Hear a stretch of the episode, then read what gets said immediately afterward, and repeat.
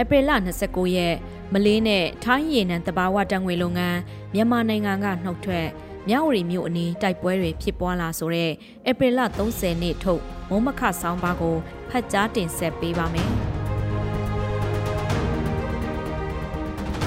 နိုင်ငံတကာရေနံနဲ့တဘာဝတံငွေလုပ်ငန်းလုပ်ကင်တဲ့ကုမ္ပဏီကြီးနှစ်ခုဖြစ်တဲ့မလေးရှားနိုင်ငံက Petronas နဲ့ထိုင်းနိုင်ငံက PTTEP တို့မြန်မာနိုင်ငံရဲတခွင်တဘာဝတံငွေလုပ်ငန်းကနေနှုတ်ထွက်မယ်လို့ဆုံးဖြတ်လိုက်ကြောင်းကြေညာလိုက်ပါတယ်။ပြီးခဲ့တဲ့ဇန်နဝါရီလကအမေရိကန်ကုမ္ပဏီ Chevron နဲ့ပြင်သစ်ကုမ္ပဏီ Total တို့နှုတ်ထွက်ကြောင်းကြေညာခဲ့ပါတယ်။ဒီနှုတ်ထွက်ဆုတ်ခွာမှုတွေဟာမြန်မာစစ်ကောင်စီကိုကုန်သိက္ခာရပထမထိခိုက်စေမှာဖြစ်ပြီးအကျိုးစီးပွားအရာလဲအတိုင်းအတာတစ်ခုထိထိခိုက်စေနိုင်ပါတယ်။နှုတ်ထွက်သွားတဲ့ရေနာနဲ့တဘာဝတံငွေလုပ်ငန်းတွေနေရာကို တခြားအနောက်နိုင်ငံနဲ့အာဆီယံနိုင်ငံကကုမ္ပဏီတွေဝင်ရောက်လုပ်ကင်ခြင်းမပြုခဲ့ရင်တရုတ်နိုင်ငံလိုမျိုးကကုမ္ပဏီတွေအစားထိုးဝင်ရောက်ကောင်းဝင်ရောက်လာနိုင်တယ်လို့ခန့်မှန်းရပါတယ်။သို့ပေမဲ့အကျိုးစီးပွားအရာအတိုင်းအတာတစ်ခုထိတက်ရောက်မှုရှိမှာဖြစ်ပြီးစစ်ကောင်စီအဖို့နိုင်ငံဘတ်ဂျက်ရဲ့အဓိကနိုင်ငံချောင်းငွေရှာဖွေပေးတဲ့တဘာဝတံငွေလုပ်ငန်းကဝင်ငွေလျှော့ကျစေနိုင်တာဖြစ်ပါတယ်။ Chevron နဲ့ Total Company တွေနှုတ်ထွက်စဉ်တုန်းကစစ်ကောင်စီကာကွယ်ပြောဆိုရမှာဒီ company တွေကနိုင်ငံရေးအကြောင်းအချက်ကြောင့်ထက်ကိုအဆိုပါတဘာဝတံငွေလုပ်ကွက်တွေမှာလျှော့ကျလာတာကအဓိကအကြောင်းဖြစ်တယ်လို့လည်းကာကွယ်ပြောဆိုခဲ့ဖူးပါတယ်။နိုင်ငံတကာကုမ္ပဏီကြီးတွေအနေနဲ့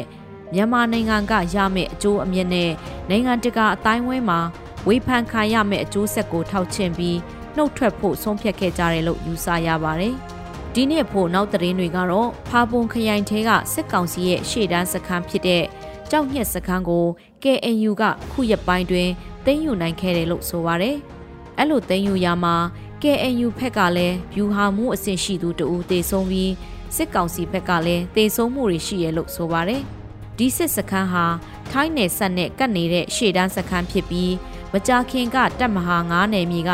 စစ်ကောင်စီစခန်းတွေထွက်ခွာဖို့ရာဇသံပေးခဲ့ပြီးနောက်အခုလိုတိုက်ခိုက်မှုတွေဖြစ်ပွားလာတာဖြစ်ပါတယ်။ကရင်ပြည်နယ်မှာတက်မဟာ6တက်မဟာ9နဲ့တထုံခရိုင်တက်မဟာ1စတဲ့နယ်တွေမှာ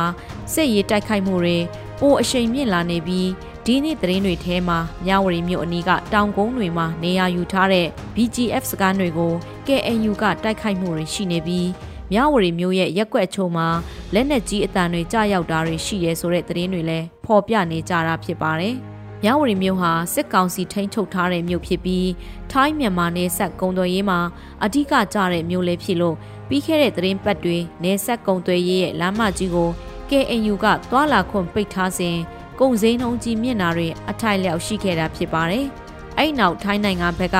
တာဝန်ရှိသူတွေနဲ့ KNU တို့တွေ့ဆုံမှုတွေရှိခဲ့ပြီးအခုအခါမှာတော့ နေဆက်ကုံတွေလမ်းကြောင်းမှာသွာလာနေတဲ့အရက်သားကားတွေကိုပြစ်ခတ်ချင်းမပြုတ်ဖို့ KNU ဖက်ကလက်အောက်ခံတပ်တွေကိုညွှန်ကြားတဲ့စာထွက်ပေါ်လာခဲ့တာဖြစ်ပါတယ်။2010ရွေးကောက်ပွဲကာလတုန်းကတကြိမ်မြဝတီမြို့ကို DKBA တွေဥဆောင်ဝင်တိုက်ခဲ့တဲ့ဖြစ်ရရှိခဲ့ပြီးအဲ့နောက်မှာတော့ငိမ့်ချောင်းရေးဆွေးနွေးမှုတွေပြည်내အဆင့်ပြည်ထောင်စုအဆင့်သဘောတူညီမှုတွေနဲ့ကရင်ပြည်နယ်မှာတိုက်ပွဲတွေမရှိသလောက်လဲပါသွားခဲ့ရက